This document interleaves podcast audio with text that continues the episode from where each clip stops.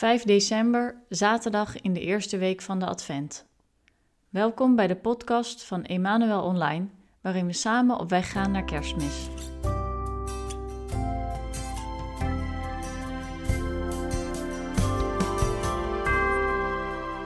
We zijn nu al een week op weg naar Kerstmis en hebben verschillende ontmoetingen tussen God en de mens gezien.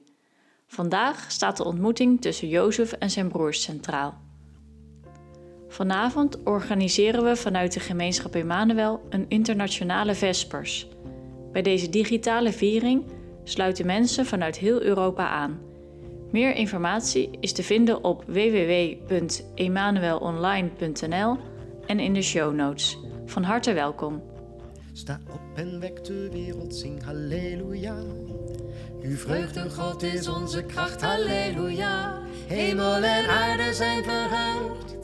Halleluja, wanneer u komt. Maranatha, sta op en wek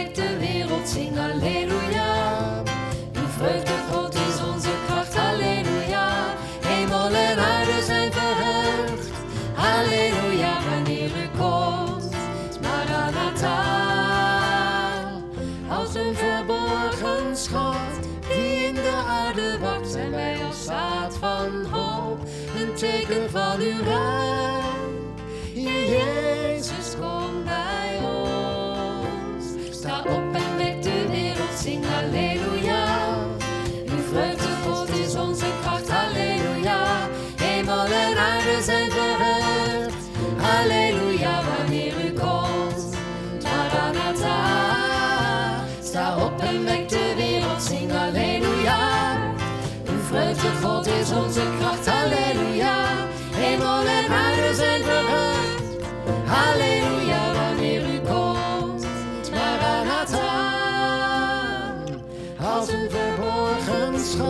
Die in de aarde wacht, zijn wij als zaad van hoop, een teken van uw rijk.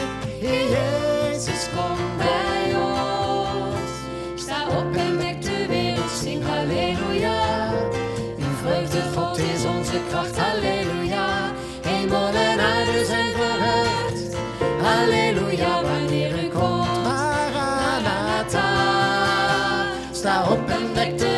zing halleluja.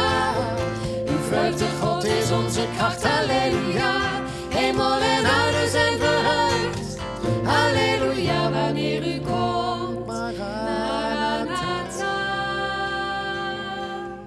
Amen, Heer. Dank u wel, Heer, dat u een bron bent van vreugde, dat wij mogen uitzien naar u, dat u in ons leven aanwezig wilt zijn. Dank u wel, Heer, dat u vreugde bent, dat wij ook u door de muziek kunnen loven en ook door samen zo te bidden, verbonden te zijn via deze podcast, dat u in ons midden bent. Dank u wel, Heer, dat u dicht bij ons bent. Dank u wel voor de vreugde die u ons geeft, ook dit weekend. Dank u wel, Heer, voor alle mooie dingen die u ons geeft.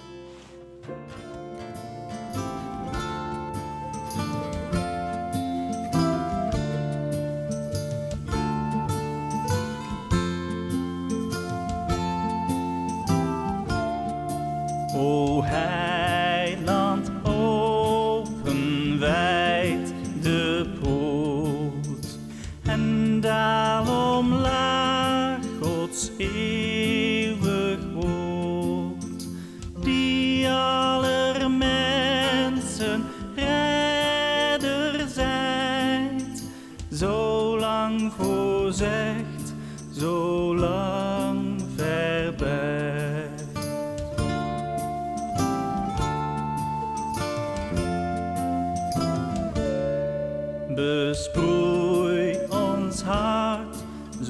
Zo dor en droog met dauw en regen van omhoog.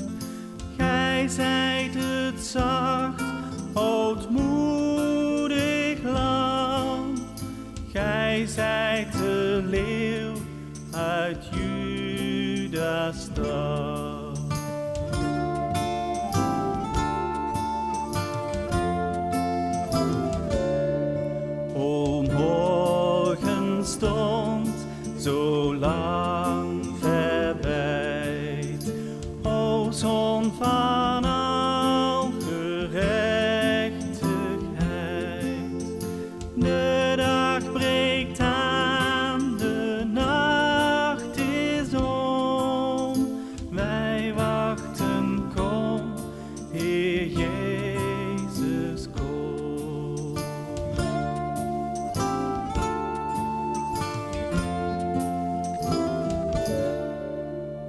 Genesis. Jozef zei tegen zijn broers: Ik ben het, Jozef.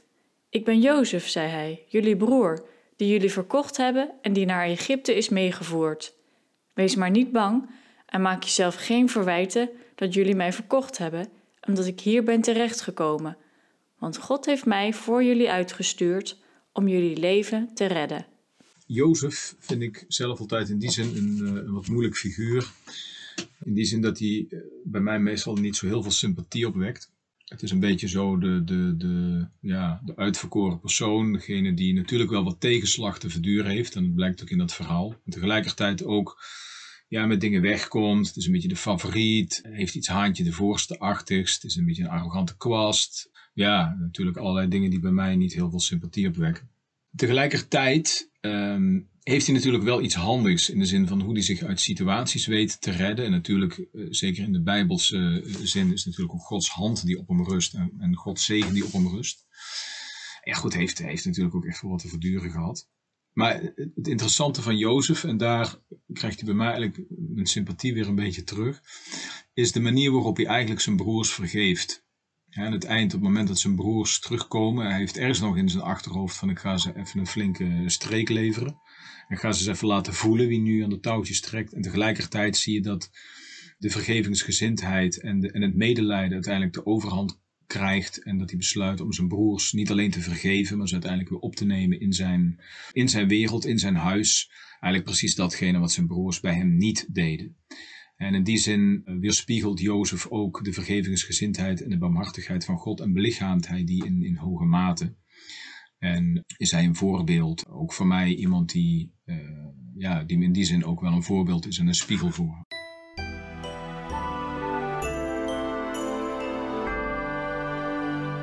Ik ben Mirjam, ik ben 62 jaar en ik kom uit Voorhout. Ik ken het verhaal van Jozef al uit mijn kinderjaren. Een mooi, lang en spannend verhaal waarin veel gebeurt. Jozef, die bijna vermoord wordt door zijn broers, maar met wie het uiteindelijk heel goed afloopt. God was met hem en zorgde voor hem. In de loop der jaren ben ik me ook meer in de broers, of eigenlijk halfbroers, gaan verplaatsen. Dat Jozef de lieveling van zijn vader was, door hem werd voorgetrokken en dat zijn vader hem vroeg zijn broers in de gaten te houden, moet hem niet geliefd gemaakt hebben bij hen. Afgunst en rivaliteit kunnen dan een grote rol gaan spelen. Ik merk dat ik dit heel veel om me heen zie, die afgunst tussen broers en zussen of in andere relaties. Jaloezie, omdat je denkt dat de ander beter af is dan jij, meer talent heeft gekregen, meer geliefd is. Een pijn die mensen soms een leven lang met zich meedragen, of elkaar ook aandoen en die heel veel kapot kan maken en ertoe leidt dat contact soms helemaal wordt afgebroken. Ook aan mezelf gaat dat niet voorbij. Wat mij helpt als ik merk dat dit soort gevoelens bij me opkomen, is om te, te proberen om te zetten in dankbaarheid.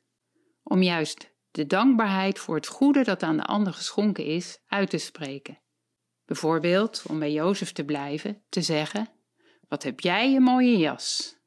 Of om in dankbaarheid voor de ander te bidden, voor wat God die ander gegeven heeft. Wat me ook erg raakt in het verhaal is dat Jozef zegt: God heeft mij voor jullie uitgezonden om jullie in leven te houden. Uit iets dat oorspronkelijk slecht was, de verkoop van Jozef aan de Egyptenaren, weet God het goede te bewerken. En dat is ook een enorme belofte voor hoop, van hoop voor mezelf. Dat God erbij is, bij alle moeilijkheden die ik op mijn weg heb. En dat, als ik me door Hem laat leiden, het daarbij uiteindelijk goed af zal lopen.